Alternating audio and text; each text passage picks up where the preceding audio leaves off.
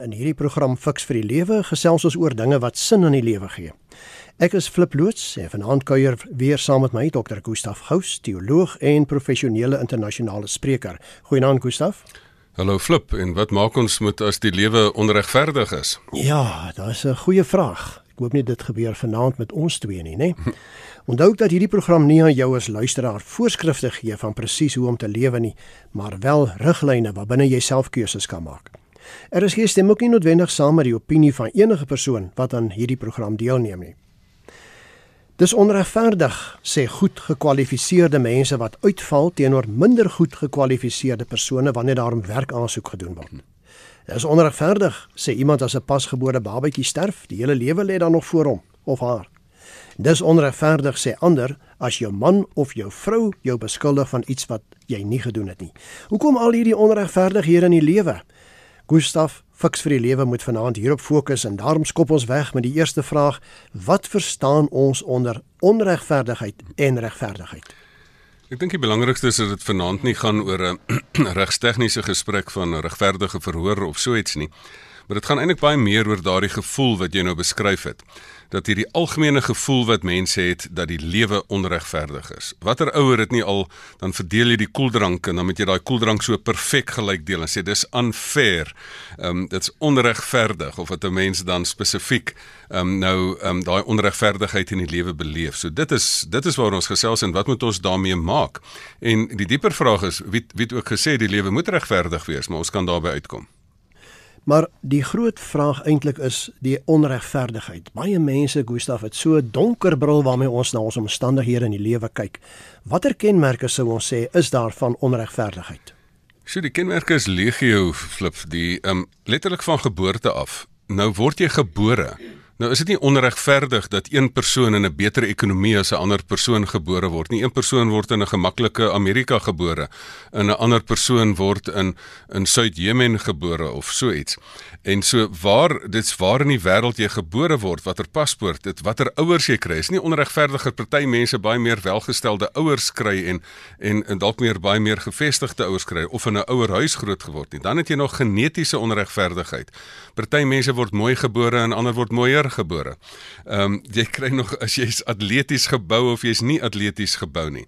Ehm um, Amy Mullins wat wat wat nog voor Oscar Pistorius die eerste Blade Runner was in die wêreld by die Paralimpiese spele. Ehm um, sy's gebore sonder bene. Nou is dit nie onregverdig nie. So dis mos unfair. Hoekom hoekom word ek nou geneties sonder bene gebore? En hoe sy daarop gereageer het is deel van ons antwoord vanaand onder andere. Dan is daar onregverdigheid as gevolg van gewoon velkleur. Net omdat jy swart is, kon jy in 'n vorige bedeling nie 'n werk kry nie. Net omdat jy wit is, kan jy in 'n nuwe bedeling nie 'n werk kry nie. So daai daai um, genetiese um, diskriminasie wat 'n mens kry. En dan is daar ook die hele kwessie van oorsaak gevolg volg Um, mens verwag daar is 'n balans in oorsaak gevolg en dat dat politici wat die staatskus leeg steel loop nog lekker rond en lag en hulle word nie gestraf nie hulle sit nie in die tronk nie. Dis mos onregverdig en en as mense iets nie kry nie en almal nie eweveel nie en bonusse by die werk vir dieselfde werk hoekom verskillende salarisse tussen mans en vrouens en en so gaan dit aan. Ek bedoel wat jy verloor hoekom sterf my geliefde nie iemand anders se nie en hoekom kry ek kanker en 'n ander persoon nie? So so ek dink dis die diep diep ehm um, vrae waarmee ons almal tereg sit op um, op aarde Maar tog beleef baie mense dat daar onregverdig teenoor hulle opgetree word. Hoekom? Ja, is omdat dit so is. so eenvoudig dit is. Ehm um, dit is hierdie goeters wat gebeur. Dis die dis die praktyk van die lewe.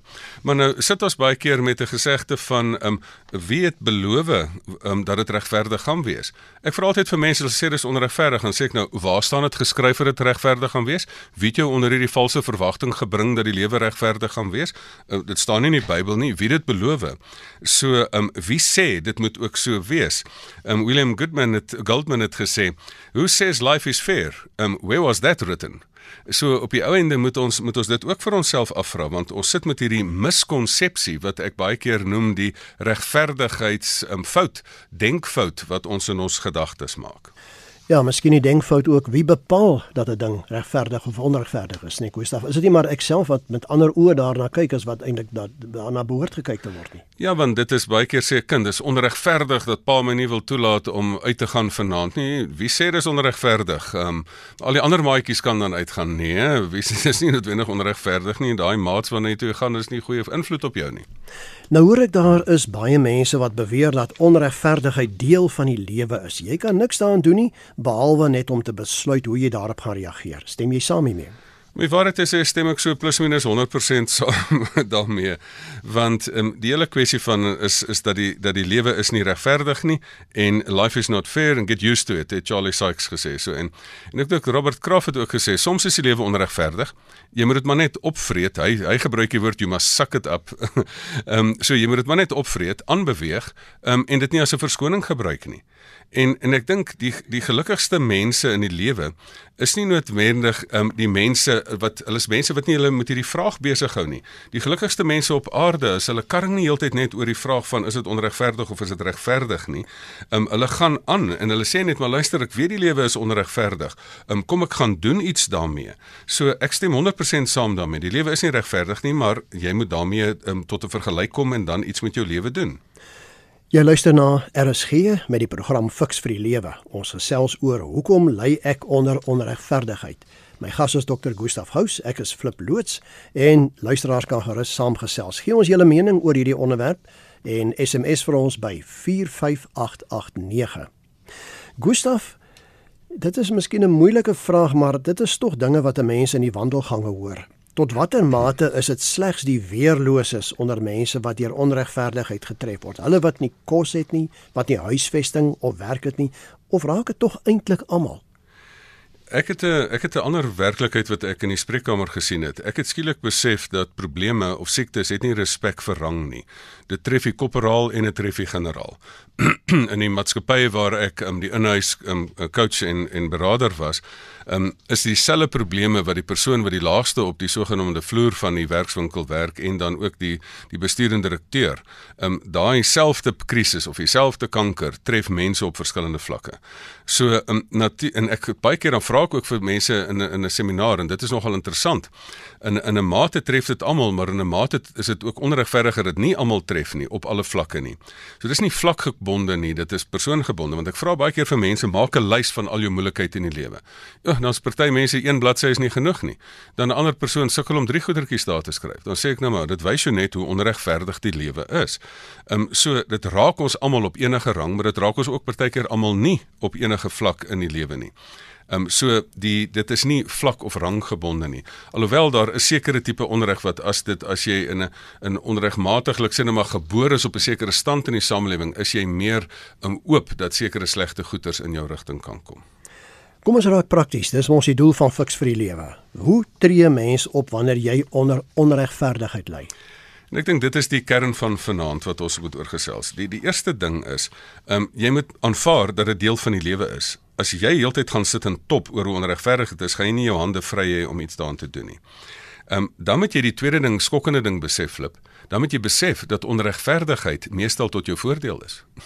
Ja, want, dit is 'n vreemde stelling. Want as jy skielik alles in die wêreld gelyk word, dan gaan plus minus 80% van jou voordele weggeneem word. Dan gaan jou lopende water weggeneem word. Ehm um, jy besef nie in hoe bevoordeelde dat almal in Suid-Afrika omtrent die meerderheid sit in 'n geweldig bevoordiging as ons die wêreld regverdig maak en alles verdeel gelyk op tussen alles, gaan jy plus minus 60 na 80% van jou goederes wat jy huidigelik het verloor. So so besef dat jy eintlik in 'n mate bevoordeel gaan word.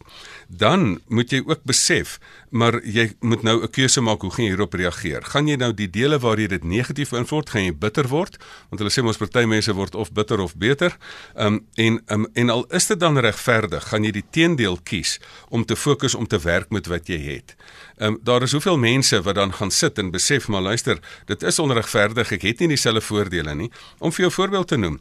Ehm um, ek gesels hierdie week met mense wat vir my 'n roerende verhaal vertel van uh, dat dat haar pa die, die, in die Engelse oorlog boer hulle net rustig op hulle plaas. Hier trek die hele Engelse weermag oor hulle plaas. sien die plaas hy skiet hulle skiet die ma dood wat swanger is met die kind. Die kind word gered, die ma is dood. Dis nie regverdig nie. Die pa word gebore. Hy word in hierdie haglike omstandighede gebore. Hy werk om later op dat hy 4 of 5 grade het.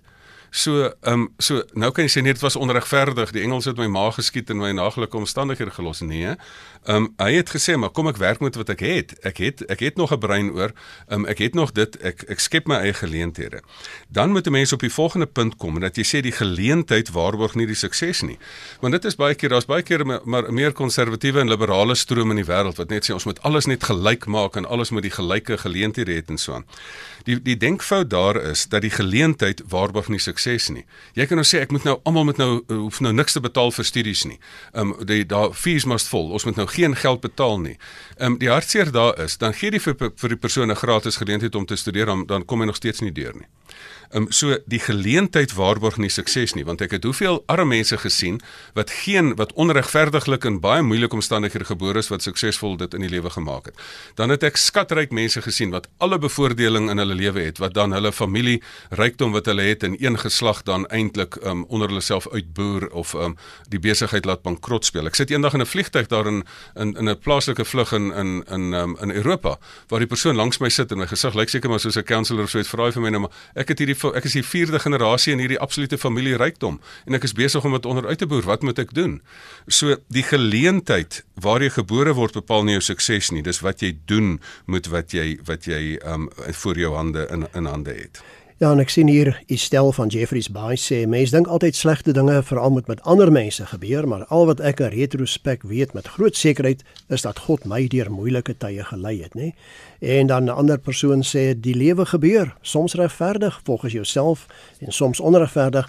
As ek daaroor wonder, hoekom ek met my dan uh, hieroor moet voortgaan, dan kom nie antwoord na my toe, hoekom nie? Hoekom tref dit my nie? Jy weet ek mense kan daaroor baie redeneer. Ek dink ek hou nogal ek het ek het baie keer um vir daai vraag vir myself gevra en ek het dit deel van my eie woorde so skat gemaak van as hierdie ding met my gebeur, hoekom nie? Het ek nie dalk die vermoë om dit te hanteer nie. En die lewe hoef nie perfek te wees om eintlik fantasties te wees nie. En as jy dit uit 'n geloofsoogpunt soos die dame ook hanteer, dan Johannes 17 Here vat jou nie gaan jou nie uit die wêreld uit wegneem nie, hy gaan jou in die lewe be bewaar. Dis hulle 1 Tessalonisense 5 verbly jou in alle omstandighede. Um, so so kan ons aangaan. Dit is ag dit louter vreugde in in Jakobus as jy onder beproewing kom want dit skep maak dit jy eintlik wat ons in ons program sê fiks word vir die lewe. Hoe onregverdig Gustaf is dit van my om iemand anders wat onregverdig teenoor my opgetree het, nie weer 'n tweede kans te gee nie. Daar's op 'n manier net 'n mooi storie daaroor waar mens dit mee kan antwoord. Is daar nie is daar nie 'n mooi gelykenis nie? 'n Gelykenis is mos die prentjiesboek van die Bybel. Daar's so 'n 'n Duitser het mos gesê daar's Bilderbuch Gottes, wat dan die prentjieboek van die Bybel. En daarin is mos maar die gelykenis van die skuldeiser, die ou wat nou dat die, die Heer wat die wat die wat die diensknegt roep en sê, "O, oh, ek nou kan nie die skuld betaal nie." En die ou kry hom jammer en hy skryf sy skuld af.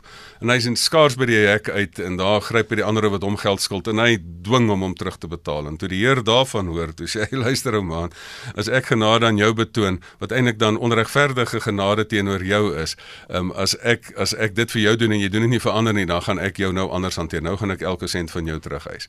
En ek dink dit is dan dis dan die riglyn wat ons moet hê. Ons het baie daar's baie wysheid in die gelykenisse wat ons dan ook ons eie gedrag op kan rig. Tot hoever sou jy sê Gustaf kry jy mense wat professionele klaars is en alles wat met hulle gebeur as onregverdig klassifiseer terwyl dit eintlik maar net 'n negatiewe uitkyk op die lewe is?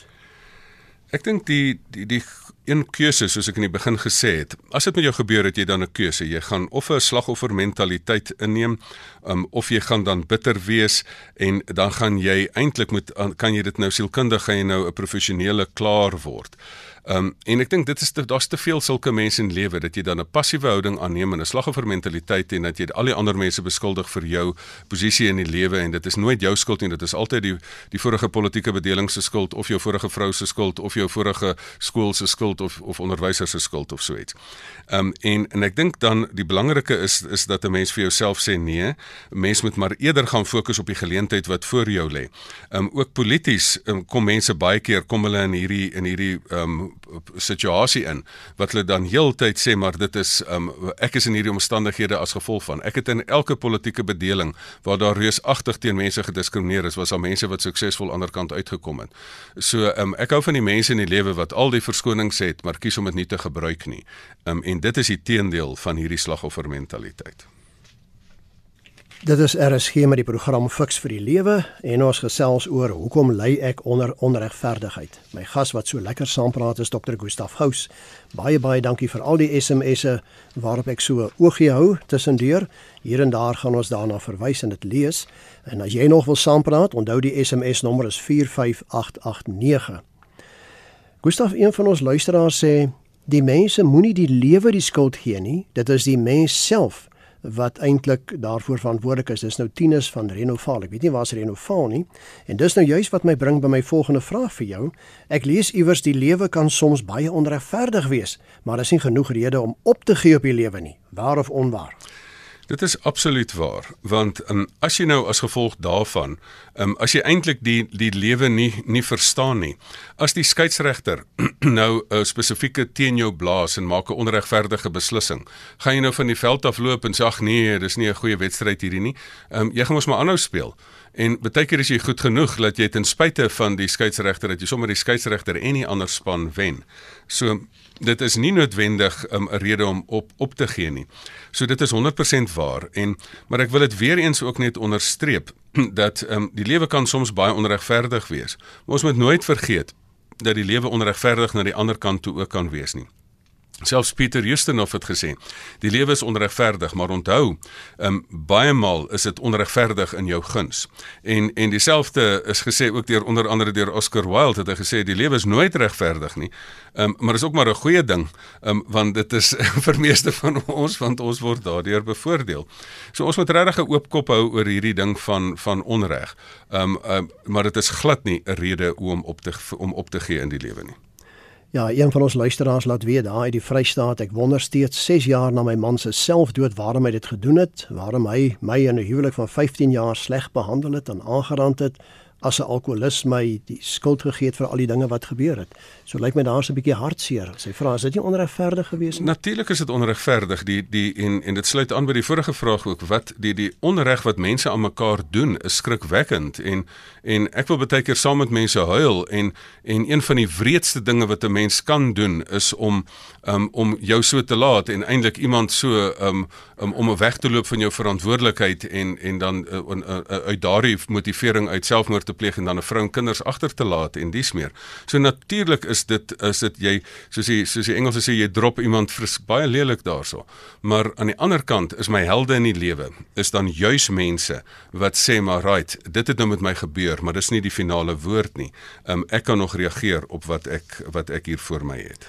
Nog 'n luisteraar sê en dis 'n moeilike vraag, Gustaf. Ek gooi dit maar aan jou skoot. Uh wat nou af as ek my lewe lank gebid het vir kinders maar nooit gekry het nie? Hoe aanvaar ek daardie onregverdigheid terwyl ander wat byvoorbeeld dagga-rokers is, kinders kry? Nou, ek dink die dieselfde sentiment word nogal gedeel in in is is dit Psalm 74 wat hulle sê maar they envy the wicked is die is die ou teks daar sodat jy sê maar maar my pa het altyd so die ou uitdrukking gebruik die onregverdige se oë peel uit van vettigheid maar die maar die um, ander mense kry swaar. En natuurlik sit ons heeltyd en ons ons denkfout wat ons maak is dat ons ons vergelyk met ander mense. Ehm um, en ek dink dit bring my ook nogal by die hele punt van hierdie hierdie ehm um, regverdigheidsdenkfout wat wat ek wil noem 'n miskonsepsie dat ons gesê het maar waar is dit beloof dat ons dat dit regverdig gaan wees. Ehm um, daar's baie goeters wat ek ook vir Here gevra het wat ek nie gekry het nie. Ehm um, en baie keer was dit dalk dalk ook goed dat ek dit nie gekry het nie.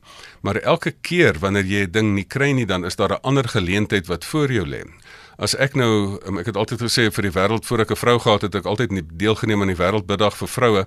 Um, maar nou vandat ek een um, een gekry het nou doen ek nie meer nie. Maar sê nou maar ek het nie 'n vrou nie. Dan is ek dan is ek enkel dan is ek meer beweeglik. Um, ek weet van een van die persone wat ek baie respekteer sou ook graag kinders wou gehad het maar die persoon het eintlik die ma geword vir ek sit saam met haar by by 'n koffiewinkel nou die dag en ek besef elke tweede persoon ken sy. Sy's eintlik die ma van omtrent 600 jong mense in Suid-Afrika en nie net dit nie. So ehm um, die geleentheid in in daardie ehm um, wat jy as onregverdig beleef, is daar ook dan nuwe geleenthede oopgesluit wat jy kan benut. En Frans van Viljoenkroon sê: "Gustaf, ek het kanker gekry. Dink jy dit is God se manier dat hy vir my iets wil wys en vir my wil leer? Uh, is dit nie regverdig of onregverdig?" Die hele kwessie van kanker is een van die dinge wat mense nou beleef, maar hoekom kry ek kanker en ander mense nou nie kanker nie? In, in so terloops, um, kanker en malaria maak meer mense dood as die koronavirus. So ons wil nou nie daaroor praat vanaand nie, maar um, ek dink die vrees, die gose waarin mense verval, moet mense maar ook voor versigtig wees. Maar om dit nou direk aan God toe te skryf en dis meer. Baie keer met 'n mens die die die lewe voorspel. Die teoloog Oscar Kuhlman het het het dit nogal vir my verklaar dat hy gesê het ons leef tussen die koms en die wederkoms. En tussen die koms en die wederkoms gaan jy siekte en dood hê. En raai wat? Ons almal, nie net 'n persoon wat kanker het nie, het 'n 100% kans statisties om dood te gaan. En en daarom gaan ons tot 'n tot daai vergelyk moet kom en of dit nou via kanker is en of dit nou via malaria is en of dit nou via motorongeluk of via corona is, dit gaan gebeur. Um, en dan om heeltyd te vra maar hoekom ek en ek dink dit is juis daarin wat 'n mens wat ek van die ander luisteraar gesê het van hoekom ek hoekom nie ek nie want baie keer is dit meer genadig ek was ek het in 'n onkologie praktyk berading gedoen vir 'n ruk en ek het besef in een opsig is kanker 'n genadige siekte want dit gee vir jou tyd om dinge reg te maak. Ehm um, waar 'n motorongeluk vinnig weg is en en my pa het altyd gesê jy kan 100% ehm um, jy jy is 100% gesond maar dan met kanker kan jy 66% gesond sterf. Jy kan geestelik en verhoudingsgewys by psigies gesond sterf, maar fisies is jy dan oorlede. Maar 'n persoon wat 'n jong persoon kan wat vinnig sterf sonder om goed reg te maak, sterf dan 100% siek. So 'n um, mens kan ook die genade in die geleentheid raak sien alhoewel dit glad nie 'n lekker werklikheid is nie. Tot watter mate Gustaf sou jy sê is die onregverdigheid van die lewe toe te skryf aan teleurstellings van kan ek maar sê onbillike verwagtinge wat mense koester? Ja, en ek dink dit is miskien waar die grootste probleem hier lê en dit is dan daai onbillike verwagting. Die die sielkundiges noem dit the fairness fallacy.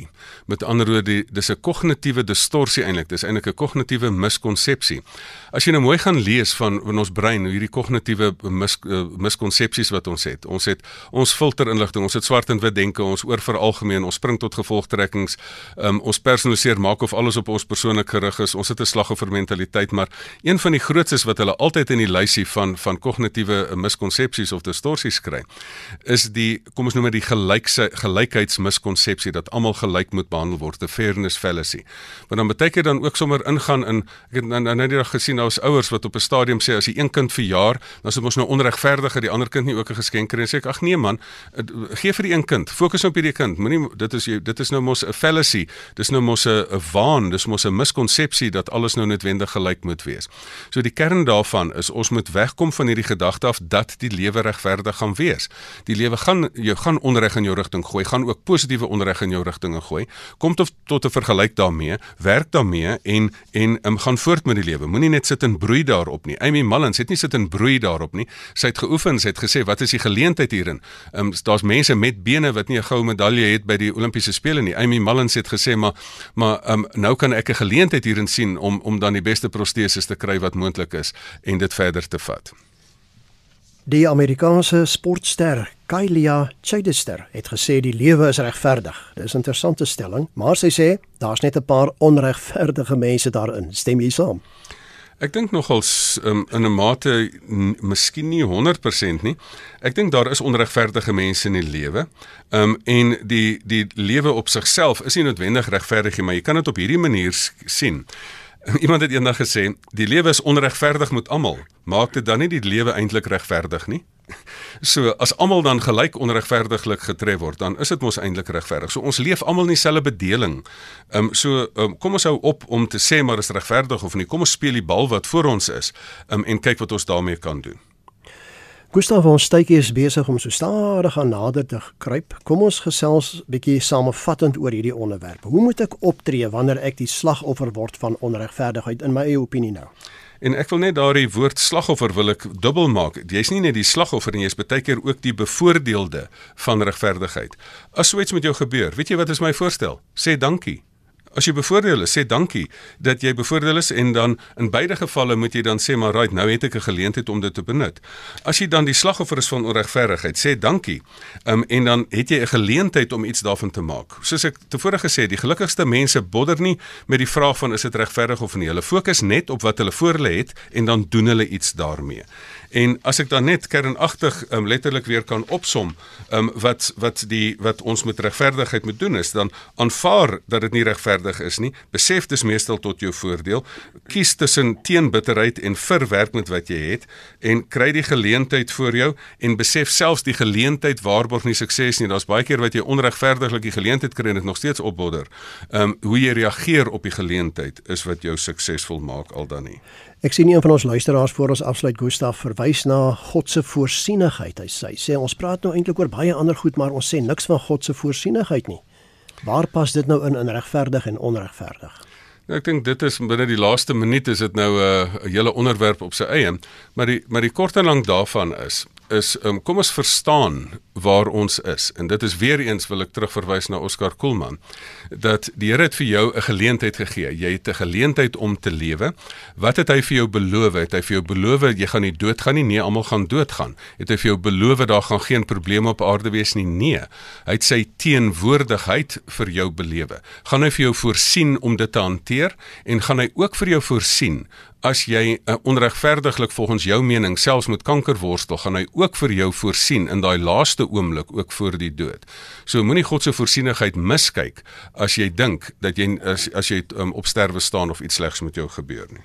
Ja, dit dan al 'n finansiële fiks vir die lewe. Ek hoop jy het lekker saamgekuier en dankie vir die lekker saampraat ook. Dankie dat jy ook Gustafs deelgeneem het en vir jou bydrae. Geef ons net weer jou kontakinligting asseblief um, e-posadres gustaf@gustafgous.co.za en vat jou selfoon en dan gaan tik jy daar um fiks vir die lewe en dan like jy die bladsy en dan sal jy die potgooi later ook daar kry. My kontakinligting flip by mediafocus.co.za.